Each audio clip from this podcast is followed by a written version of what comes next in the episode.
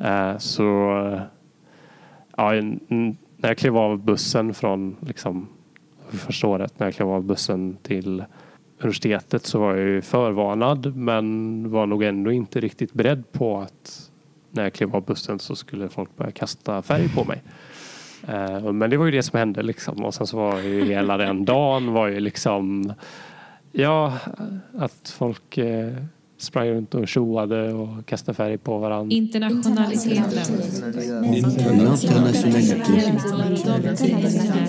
Internationality. Hej, mitt namn är Aurora och du lyssnar på podcasten The Internationality. Dagens avsnitt spelar vi in i Umeå studentradios studio på Umeå universitet. Och i detta avsnitt ska jag få prata med Jesper. Välkommen! Hej hej! Hur är läget? Det är väl bra. Ja, härligt. Jag brukar börja med att bara så här, att du får säga ditt namn, eh, ålder om du vill, vart du kommer ifrån och vad du typ pysslar med idag. Ja, jag heter Jesper, jag är 28 år, eller snart 28 år om jag ska vara korrekt. Och eh, ganska nyligen hemflyttad från England. Eh, där jag har jobbat i 18 månader. Mm. Och eh, just nu så håller jag på att göra klart en examen och eh, söker jobb. Ska flytta till Västerås. Mm, mycket på gång. Så är det. Många Ja. bollar i luften och sådär. Ja, ja, men. Jag brukar alltid fråga där, ehm, det här ordet som eh, podcasten har som titel, internationalitet. Om du fick sätta en definition på vad det skulle kunna vara, vad skulle det vara för dig då? Eller vad är det första du tänker på när du hör ordet?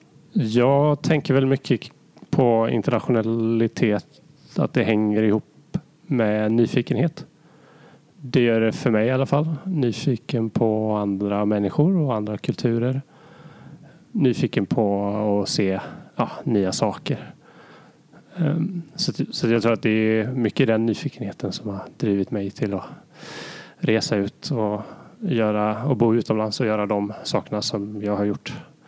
Så det hänger nära ihop med, med det ordet. Mm. Vad skulle du vilja berätta om eh, ja, men vad, vad du har gjort och, och sådär kring dina re, någon resa som du, eh, som du känner liksom startade ditt intresse i att eh, ja, utforska världen? Vara utomlands och plugga utomlands och allt som du har gjort. Ja, det var väl inte en resa egentligen utan eh, det har kommit mycket från mina föräldrar. Eh, som alltid har berättat eh, eh historier om äventyr och om eh, saker som, som de har gjort eh, utomlands. Eh, mycket resor och mycket sådana. Eh, de har båda gjort eh, långresor då där de har varit i, i, i länder i Afrika eh, och även i Indien då. Eh, och det blev ju i slutändan att jag åkte till Indien också. Ehm, jag började väl någonstans i att jag skulle plugga utomlands helt och hållet. Men så blev det inte utan, utan jag hamnade här i Umeå. Men var hela tiden inställd på att jag skulle åka på utbytesstudier. Och då tittade jag igenom vad som fanns på Umeå universitets eh, utbyteshemsida och sådär. Vilka, vilka möjligheter som fanns och eh, kom ganska snabbt underfund med att man var tvungen att åka till ett engelsktalande land om man inte pratade ett tredje språk, vilket jag inte gör. Eh, om man skulle åka då redan under sina kandidatår eh, på kandidatnivå. Och eh, då kändes Indien mest intressant. Jag tyckte att ett så kallat väst, västland eh, kändes för nära Mm. kulturellt. Jag, jag, som sagt, jag var väldigt nyfiken på Indien från eh, i detta fallet min fars historier. Och, eh, Hade du varit där innan? Nej, Nej. nej. Nej, jag hade inte varit där innan och åkte själv. Ehm, Ja. Så att det var väldigt så här. Jag bestämde mig för att eh, nu ska jag göra detta eh, och, eh, och så gjorde jag det. Så jag åkte till Chennai Mm. som ligger i södra Indien. Eh, åkte och var på utbytesstudier där i fem, fem, sex månader. Så. Och fastnade, fastnade ordentligt. Så att, och åkte tillbaka sen eh, lite senare Mm. eh, och jobbade också. Vad, vad fick du jobba med då? Eller var du i Chennai då också? När du Nej. jobbade? Nej. Då var jag i en stad som heter Hyderabad som också ligger i södra Indien. Ehm, Jag jobbade som datavisualiserare och eh, dataanalytiker utveckla olika mått på hur, hur eh, bra en, en eh, business går och liksom då för och det var ju då outsourcat för ett stort svenskt bolag. Mm. Så att eh, då, så då satt de och eh, så, så tanken var väl där att jag, jag skulle tillhandahålla lite kunskap eh, om svensk kultur och, och så eh, till de som jobbade i samma projekt och i, gentemot det företaget. Mm. Och jag skulle ja, lära mig om, om det yrket och, och liksom lära mig hur det är att vara IT-konsult. Mm. Eh, det är lite det som internshipet gick ut på. Eh, Var det stor skillnad på att plugga där och jobba där? Ja, det var, det var ganska stor skillnad. Alltså, universitetsvärlden är ju en skyddad värld får man ändå säga. Ehm, när jag pluggade så, så fanns det ju en ordnat så att jag hade någonstans att bo. Bodde på sånt här international hostel. Eh, jag fick jättebra hjälp med vilka kurser jag skulle läsa Mm. och stöd med kontaktpersoner eh, på universitetet och även då eh, stöd ifrån så internationella grupper, såna här eh, student organizations för internationella studenter och så. Så det fanns liksom ett bra nätverk och en bra struktur på plats. Mycket som redan var liksom ordnat och sådär som man inte behövde tänka på när man kom dit. Ja, Mm. ja lite så. Mm. Och eh, medans när jag åkte och jobbade så, så fick jag ju hjälp av eh, den här organisationen som jag åkte med som heter ACE eh, och, Mm. ISEC som är två internationella organisationer. Och då fick jag ju hjälp med liksom, så här, var ska jag bo någonstans och starta upp mitt liv där. Mm. Men, men det var ändå en stor skillnad att komma in i arbetet och liksom man, man, ska, man ska etablera en vardag på ett annat sätt. Som på något sätt finns där när man åker till universitetsvärld så finns det liksom aktiviteter man kan kroka i Mm. eh, och, och, och boende och sånt ordnas. Medan här så fick man hjälp att, att eh, ordna boende och kom snabbt i kontakt med andra personer som var interns där som kom från hela världen och, och, och så. Men det var ändå liksom när den kontakten hade etablerats och, det liksom, och jag hade fått hjälp att liksom, eh, snabbt eh, integreras i, i sam- samhället där så, Mm. så var jag ju lite on my own. Eh, så, och det var mycket att vi eh, som interns och eh, den koordinatorn som, som var där var liksom eh, men den koordinatorn var ju i samma eh, sits själv. Mm. Den koordinatorn som, som, som var, var ju också en person som, som hade flyttat dit och som, som också liksom hade samma problem som vi hade. Så det var ju mer att vi tillsammans Satt i eh, samma båt. typ. Ja, satt i samma båt och stöttade varandra än att det fanns en auktoritet som kunde säga gör så här eller Mm. eh, så här ser reglerna ut. Utan det var ju mycket att vi, vi fick eh, liksom lösa det själva. Mm. Mycket. Men ehm, du spelar ju saxofon också. Så är det. Eh, och som jag förstod det så tog du med din saxofon till Indien. Det gjorde jag. Ja, skulle du säga att det liksom hjälpte dig att så här, ja, men hitta nya sammanhang i, alltså så här rent socialt än vad du kanske hade ja, men funnit annars? Ja, absolut. Alltså, framförallt så var det väl man kan säga, jag tog med saxofonen båda gångerna. Eh, och första gången när jag var på universitetet så eh, hjälpte det ju mig att komma kontakt med eh, indiska studenter. Mm. För det var ju bara indiska studenter i musikklubben. Liksom. Mm. Eh, och sen så dök jag upp där och jag var ju den enda europeen på skolan. Eh, så Så de visste vem du var? de visste vem jag var och eh, blev väldigt förvånade och väldigt roligt Ja. att att vara med dem och spela så. Och Det var jättehäftiga konserter. Alltså det var ju ändå en, en skola med 40, mellan 40 och 45 000 elever eh, där majoriteten av eleverna bor på campus liksom, och runt omkring Mm. campus. Så när det arrangerades konserter så var det ju liksom väldigt mycket folk och utomhus. Mm. Eh, då, så det är så här häftiga utomhuskonserter. På, byggde upp en scen liksom. Och så, Nice. och så spelade med, med, med de här eh, grabbarna och tjejerna från, från den här musikklubben. Då. Så det var jätteroligt och verkligen alltså allt ifrån liksom vara med och spela deras lokala musik till liksom när de rev av så Dancing Queen med ABBA så här och så ska man som svensk ska man stå där och sätta riffet liksom. Den klassiska melodin liksom. Ja, nej så, så det var kul och sen alltså när jag jobbade i Indien så, så är det ju samma grej då att jag alltså det blev ett sätt att eh, få kontakt med, med lokalbefolkningen Mm. så, så jag hittade ganska snabbt eh, då genom en konsert. Jag gick på någon konsert och så frågade jag de som hade det var jazzband som hade konserten och så frågade jag om jag kunde om de visste om, om finns det någon i stan jag kan spela med liksom. Mm. Och så sa de du kan spela med oss och så började jag spela med dem och blev kompisar med dem och hängde väldigt mycket med dem.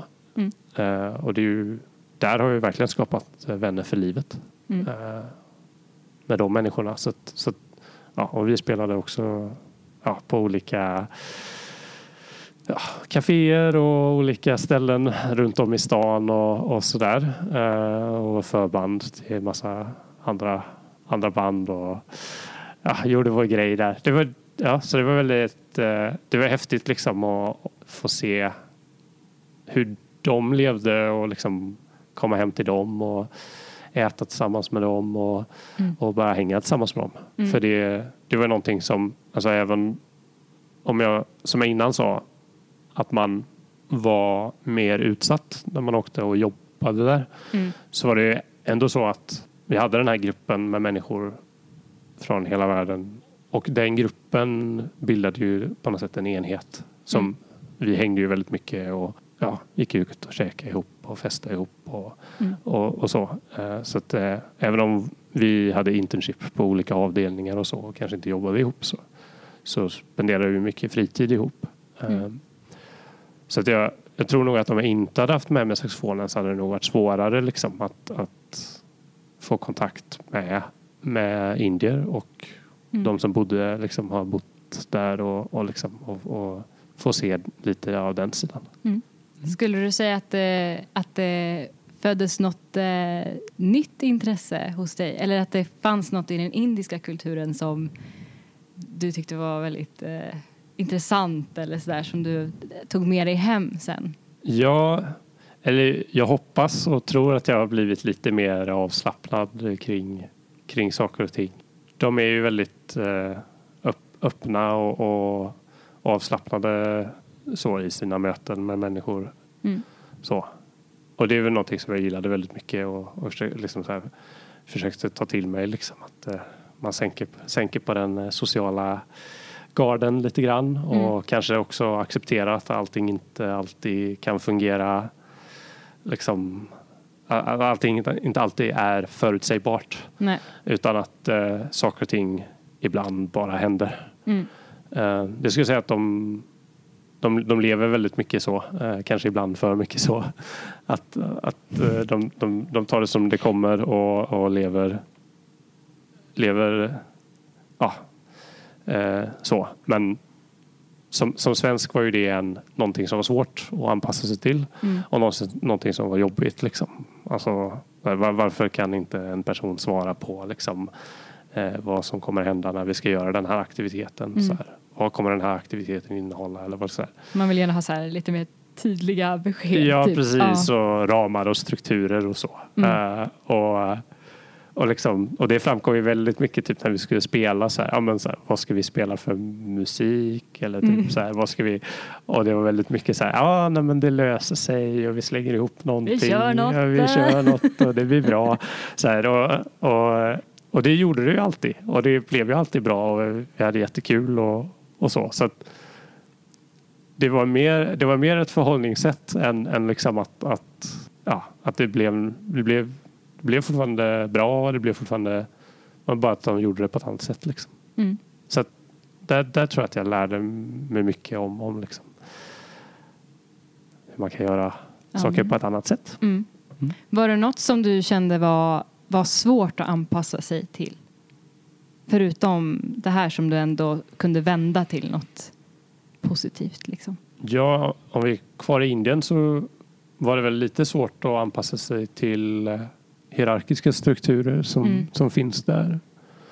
Eh, Framförallt inom arbetslivet och men även då i skolan då så fanns det en ganska hård så här, linje mellan olika nivåer Mm. Eh, som man inte skulle gå över. Och det gjorde jag ju misstaget ett par gånger att göra. Liksom. Ehm, och det hade jag liksom svårt att inte göra om för man är så van i Sverige om att prata, att prata fritt Mm. och öppet till lärare och till chefer och sådär. Mm.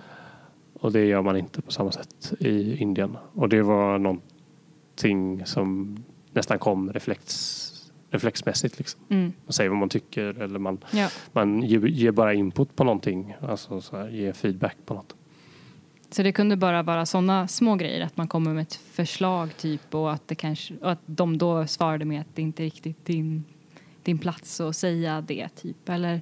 Nå, kanske inte riktigt så konkret. Nej. Alltså kulturella skeenden ter sig ju själv sällan så konkret. Att de, det är ju sällan man gör ett sånt grovt övertramp om man inte är väldigt eh, liksom eh, yvig. Att man får ja. en, och omedveten. Att man Mm. får liksom en direkt tillsägning. Eh, det hände i och för sig också. Men Nu kommer det fram! Ja, men, men, eh, men, eh, men oftast så, så var det ju någonting som man fattade lite i efterhand. Liksom. Att, eh, att de hade ja, att någon hade tagit illa upp eller Mhm, att eh, mm. någon hade liksom ja, eller att man hade framstått som, som otrevlig eller, eller då ehm, Mm. arrogant eller Mm. ja, något, något så. Eh, Så det tog ett tag att liksom vänja sig vid. ja. Ja. Mm.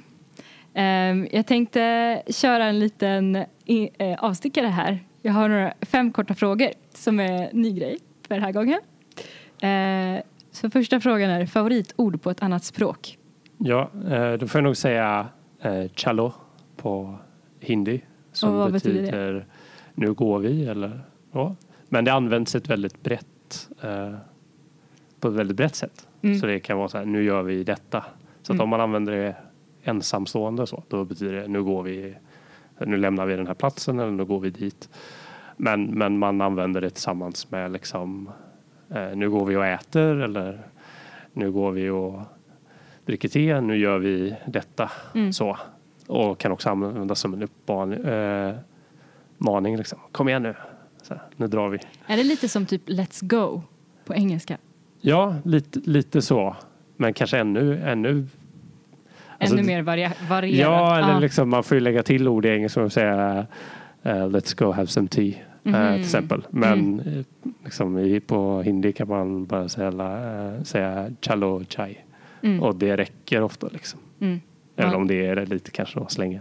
Alltså, man, man fattar liksom. Ja. vad- disclaimer här, jag kan ju inte eh, prata hindi så att, eh, det kanske är så att det är mer korrekt Mm. att, att man ska liksom Göra en säga, säga en hel mening men, men eh, alltså min, med mina kompisar så, mina indiska kompisar så, så var det mycket liksom den sådana såna slängar så, Mm. så det var den, eh, de- den stilen de använde. Ja.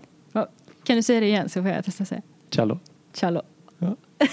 Kunde jag ha sagt det nu när vi började spela in? Ja visst. Ja. Ja, det funkat. Okej, nästa fråga. Bästa utländska maträtten? Där får jag ju då dela upp det om vi ska ta in Ja. Eng- England lite här Ja, vi också. kan börja smyga in på Ja, England. det, du får jag ändå ge dem lite. För i England så hade jag en riktig guilty pleasure på fish and chips. Alltså det, alltså nästan som man skäms lite liksom och med, med vinäger på stripsen också liksom. Alltså, Ja, det var ju gott. ja, det var ju gott. Det var ju gott liksom. Men, men, men att eh, det trodde jag nog inte att jag skulle anamma. Okej, jag hade ju inte lika mycket vinäger som de har. De har sjuka mängder vinäger på sina pommes frites. Men eh, jag, jag, jag tog åt mig även det. Eh, så det, det var fredagslyxen. Ja. Eh, Ja, men det var, det, vi var ju och hälsade på eh, Jesper eh, en sommar och eh, då, då fick vi käka det. Ja, det var nice. ja, det var det. Det var ju mycket bättre än att äta det i Sverige. Liksom. Ja, de, de är ju duktiga, Mm, mm. De är duktiga på det. Det är Mm. de, det får man säga. Det är Det paradrätt. Ja. Indien har ju en helt fantastisk matkultur som jag fastnade i helt eh, till den grad att jag har liksom ändrat den maten jag lagar här hemma till att liksom använda mer de Oj. kryddorna som de använder och mer de smakerna och mer Hur får du tag på alla kryddor och så? Det får man ju. Alltså man, det blir ju som en adaption. Liksom. Man, Ja. man kan ju inte laga exakt det Nej. som de lagar såklart. Men jag bara märker liksom att jag använder mer, använder mer chili, Mm. använder mer curry, gör mer rätter på linser och, och olika typer av ja, bönor och ärtor och ja, sådär. Vilket är väldigt så här, basmat i, i Indien. Och även då att jag äter, eller ja, att jag äter mycket ris liksom. Mm. Som, eh, eller i alla fall mycket mer ris än vad jag gjorde innan. Innan var det mer pasta och potatis. Och nu är det nog mer åt ris och pastahållet. Eh, Men eh, så det är svårt att välja en favorit här för att det finns så många. Men jag måste nog ändå säga dosa. Som är en rispannkaka. Mm. Som man äter till frukost. Med två stycken såser. En mild sås med, eh, som är gjord på kokosnöt. Mm. Och, och eh, som det ibland är lite peppar i ändå. och sen en, en, en, en stark sås som är gjord på någon tomatextrakt extrakt eller någonting tror jag som är Mm. med chili och, och grejer i. Eh, och så kan man ha, man kan äta det rakt upp och ner. Eller så kan man liksom ha grejer i det som man kan ha någon potatisröra i den, eh, kryddig potatisröra i. Så det börjar jag äta varje morgon när jag, när jag, alltså, när jag bodde där och arbetade. Mm. Kunde du göra brödet själv? Nej, jag har inte testat det än. Eh, det, jag läste på lite om det. Det ska vara ganska svårt. Alltså, eller Ja. svårt, men, men ganska tidskrävande.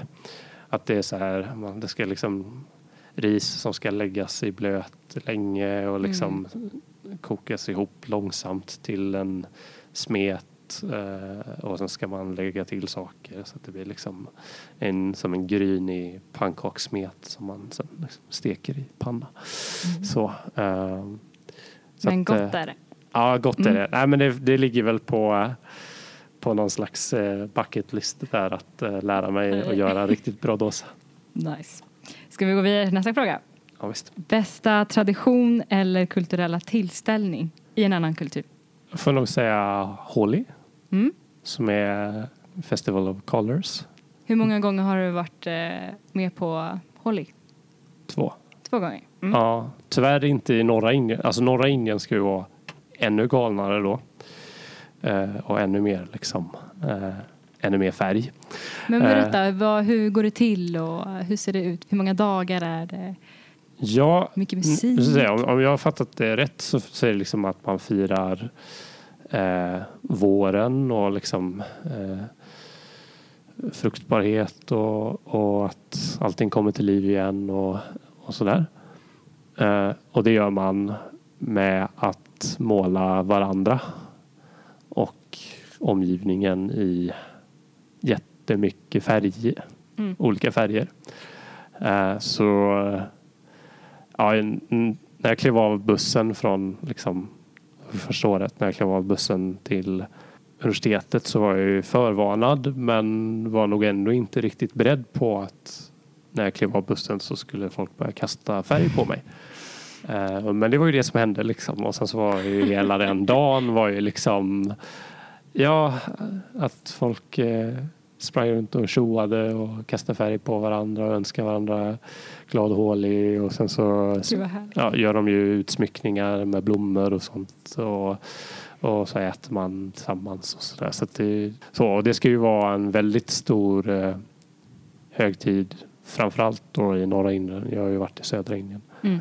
Eh, där det liksom är som en gatufestival. eh, då. Där, alla, ja, och där alla kastar väldigt mycket färg på, på allt och alla andra. Ehm, Vem är det som städar upp allting? ja, det är faktiskt en väldigt adekvat fråga som jag inte vet svaret på. Hur länge håller det på? Jag tänker måste komma, alltså det, allt måste ju typ vara så här regnbågsfärgat efter ett tag. Typ som att en unicorn har kommit och bara. Ja, precis så. Um, jättemycket färg, olika, olika färger. Ja, nej, men nej, jag, vet, jag vet faktiskt inte om man eh, hur, vem som, som städar upp eller, Man kanske hjälps åt. eller om man hjälps åt. Eh, I södra Indien så var, så var det bara en dag, men det kan vara så att det, det Alltså Indien är ju som en det det är ju som en egen kontinent nästan. Det är ju Mm. väldigt stor skillnad från delstat till delstat. Eh, De pratar olika språk eh, i olika delstater Mm. Och populationerna i de olika delstaterna är väldigt stora. Eh, Och det är eh, då ett stort geografiskt liksom, avstånd Mm. mellan södra Indien och norra Indien. Så traditioner och vad man firar och hur man, hur man firar det kan skilja sig ganska mycket. Mm. Så, att, eh, så, så firades det där jag var. Mm. Nästa fråga. Eh, har du något favoritspråk alltså som du tycker låter fint eller sådär? Och det kan vara vilket språk som helst. Jag, jag, jag får nog säga eh, japanska där nästan. Jaha. Ja, Ja. Nej, jag, jag tittar ju lite på anime och sånt Mm. där och har liksom lite intresse i det. Ja, Mm. tycker att Alltså det, det är ett väldigt ex, eh, expressivt eh, Mm. eh, språk. Det kanske bara är i, anime-världen som det finns väldigt så stereotypiska eh, ja, åt både liksom eh, eh, de här stoiska liksom, hjältarna och liksom eh, Söta maskotar, typ. Ja, och, och flamsiga eh, liksom karaktärer och att det hela tiden är starka kontraster och att det också ger väldigt stor utväxling i, i, i stark kontrast hur de pratar. Mm. Eh, men eh, ja, jag tycker det är intressant och, och roligt att, att lyssna på även fast jag inte förstår det. Okej, sista. Eh, för de här lite snabbare frågorna. som inte blir så snabba. Men vi, vi tycker ju om att prata jag båda två. På, ja. Ehm, har du någon så här pinsam kulturkrock eller situation som har hänt dig utomlands? Som du så här kan komma på nu? Det är svårt. Ja. Ja, det, nog, det, det är svårt. Det, det är ju generellt, man tycker det är generellt pinsamt när, ja, som vi pratade om innan, när man trampar ö- alltså så här, Mm. Kommer jag ihåg när jag ställde lite frågor eller eh, diskuterade lite med en lärare och så liksom fick jag dras med det sen hela terminen. Typ. Att de bara, ja det, men det är ju du som så här, eh, snackar Oj. upp dig Ja. mot lärarna. Så här. Och så fick man skämmas lite för att man hade gjort det eh, så. Eh, men men det i sig var kanske inte så pinsamt och kanske en ganska, ganska naturligt misstag att göra. Mm. Men så, att, så att det händer ju sådana små grejer hela tiden. Jag vet inte riktigt om jag... Det är svårt att komma på liksom en gång för det händer så ofta liksom. Kanske. Ja, och jag vet inte om, jag, jag, vet om jag tycker att det är så pinsamt. Nej. Det är lite så det är också. Det är, Ja. det är en av de sakerna som är roligt liksom, med att åka. Att, eh, att, eh, att man utsätts för det. Mm. Ja, du har bott i Storbritannien Ja. och eh, du var där hur länge då? Jag var där i 18 månader eh, och jobbade eh, som dataanalytiker för ett Mm. företag som heter Flowminder. Um, Men det Ja. var då du fann eh, din, ditt guilty pleasure för eh, fish and chips. ja, precis. Och också blev väl förvånad över alltså, skillnad, att det ändå finns ganska stora skillnader mellan, eh, som jag sa innan, så, så vill jag ju först då när jag åkte till Indien så ville jag inte åka till ett västland för att jag tänkte att de var ganska lika. Liksom. Mm. Men nu när jag har bott i, i Storbritannien så har jag ju kommit underfund med att eh, även om det finns fler likheter kanske så, så är det också väldigt stora, stora skillnader. Mm. Så. Och, att, eh, ja, och att det tog tid att liksom komma in i livet i Storbritannien också och vänja sig Mm. vid det och liksom den rytmen. Och eh, det nästan eh, mest eh, vad säger, chockerande. Det var nästan språket tror jag.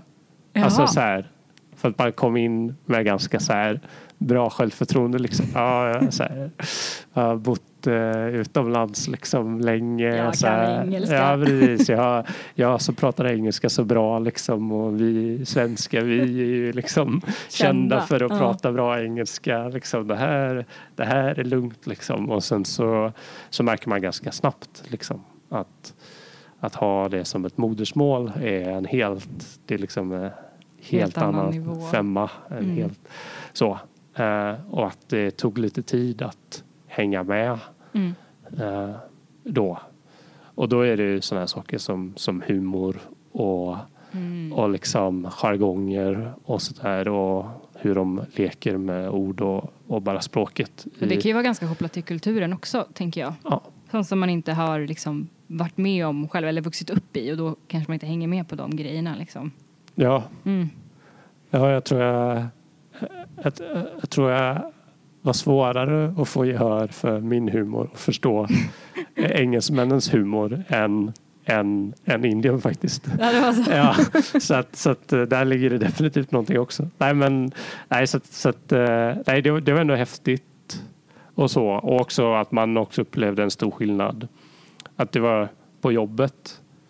Alltså att, den, att man märker att man är ut, har en utbildad engelska Mm. och att man är ganska så här, bekväm i jobbsammanhang. Mm. Att så här, kommunicera professionellt, eller jag är det i alla fall. Mm. Medans nu när man satt på en arbetsplats och man hade personer som blandade de där två sakerna Ja, precis som man gör på en arbetsplats. Man, liksom, man snackar lite jobb och så snackar man lite liksom, vad har du gjort i helgen? Mm. Ja, men precis. Och sen tillbaka till jobb och så liksom kommer det in skämt och grejer i det. Mm.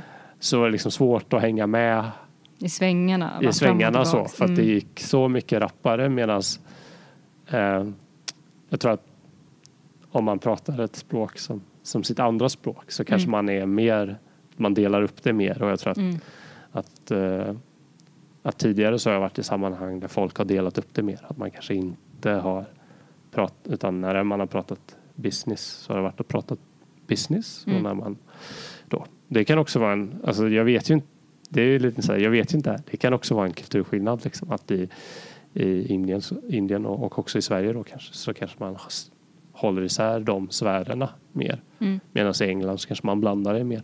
Jag har faktiskt inte reflekterat över så mycket. Men det Nej. var i alla fall Mm. där som, som, Som du bara, oj, jaha. ja, som, som liksom förvirringen uppstod. Så. Ja.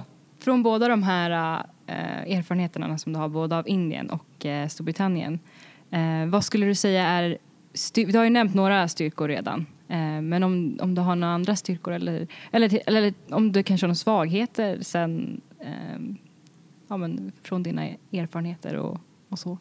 Min personliga åsikt är nog att det inte finns så mycket svagheter med att göra Mm. något sånt. Men det är ju för att jag, som jag var inne på, är har varit väldigt taggad på det. Liksom. Ja.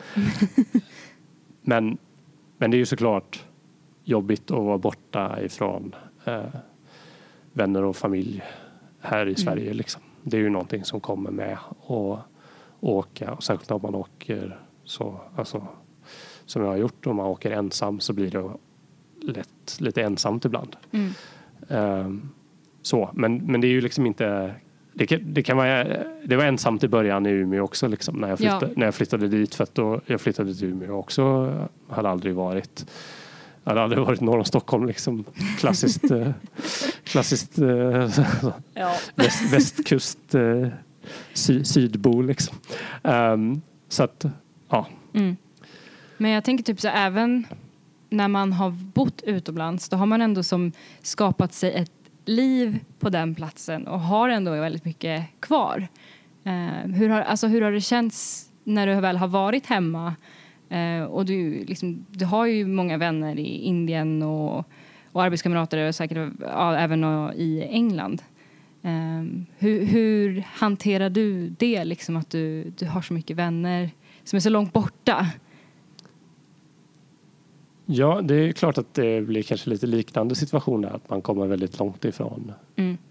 många människor som man tycker om och, och har delat väldigt fina saker med. Jag var och besökte Indien här nu eh, i höstas och så. Så- Och så jag försöker ändå liksom hålla kontakt och, och så med, med, med de personerna som, som jag känner liksom jag skapade starkast band med. Och det är, Mm. väl, det är väl det man får göra lite grann tror jag. Att man får liksom eh, alltså man, man får prioritera. Mm. Och så får man säga liksom okej eh, om, jag, om jag ska behålla de här kontakterna så måste jag faktiskt åka dit ibland eller liksom eh, höra av mig ibland. Mm. Eh, så. Eh, och i vissa fall så får man ju då acceptera att, man kanske, att det kanske också var ett ögonblick i Mm. tiden. Man kan ju vända det till något positivt också. Eh, Där man liksom man får väldigt fina minnen och man lär sig väldigt mycket om inte bara andra eller så, eller så har det varit för mig i alla fall att jag har ju liksom lärt mig mycket om mig själv också. Mm. Så, för att man sätts i så många situationer som man inte har liksom utsatts för innan och så, Mm. och så, får, och så, liksom, så måste man lösa det eller reagera på det och, och, och då får man liksom, då lär man sig ja så här funkar jag här och, Mm. och så vidare. Och, och det har ju alla de här människorna som, som man liksom har varit, som man har mött och som man har varit med. Det har ju de varit med och bidragit till liksom. Mm. Så, att, så, så det är ju på något sätt en att, att jag hoppas att jag har kunnat ge någonting till de människorna som jag har interagerat med när jag har varit utomlands. Alltså, jag ger något nytt till dem Mm. och de också ger någonting nytt till mig och att det blir ett utbyte. Ehm, och det, ja, det, det ser jag som något väldigt positivt oavsett om vi inte kan hålla eh, kontakten för alltid. Mm. Ehm, så. Men eh, jag tror också det är så liksom att, att ibland så, så, så funkar det inte. Alltså, det är inte alltid att det funkar heller. Liksom. Nej. Eh, så Så så, jag tror att, jag tror att eh, om man nu ska prata liksom om internationalitet så handlar det ju mycket om att liksom, eh, försöka hitta, hi- hitta sin plats Mm. där man är på något sätt. Mm. Så, eh, anpassa sig till, till den miljön som man är i. Mm. Eh, och det kanske inte alltid går. Liksom. Nej. Eh, Det ska man ha, det ska man ha stor respekt för. Så det är, det, är liksom, det är en blandning av de där två. Det är en blandning av att liksom, eh, öppna upp sig och liksom, på något sätt eh, embrace eller liksom ta, ta emot alla de här känslorna och alla, och alla, liksom, ja, och alla utmaningar och, och, Mm. och liksom problem och, och, och roliga saker som händer. Men, men också liksom att, att, att orka med det. Mm. För det är också, det, det, det är också jobbigt liksom innan man, Ja. jag vet inte, jag brukar säga att det kanske tar eh, tre månader, kanske sex månader Ja, gud, ja. så här, innan man har liksom landat lite i landet så. Mm.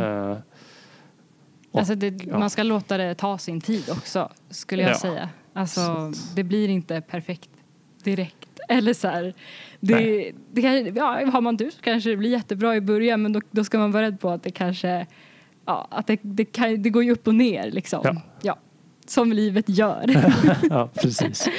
Ehm, ja, nej men eh, skulle du, om du skulle sammanställa liksom vad vi har pratat om, vad du känner är ja, som en avslutning. Vad skulle du vilja säga då? Tack mamma.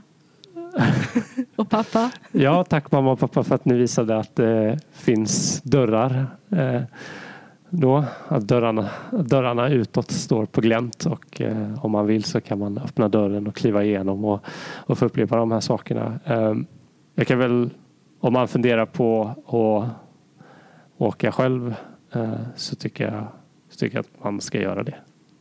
Det kan väl det, det, det, det tror jag har framgått men, men det är väl ändå det som är key, key takeaway här. Liksom, att, Mm. att, det, att man, man får tillbaka väldigt mycket av att, av att eh, testa sig i nya, nya, nya kulturer, nya miljöer.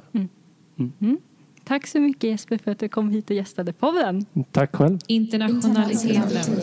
Internationality.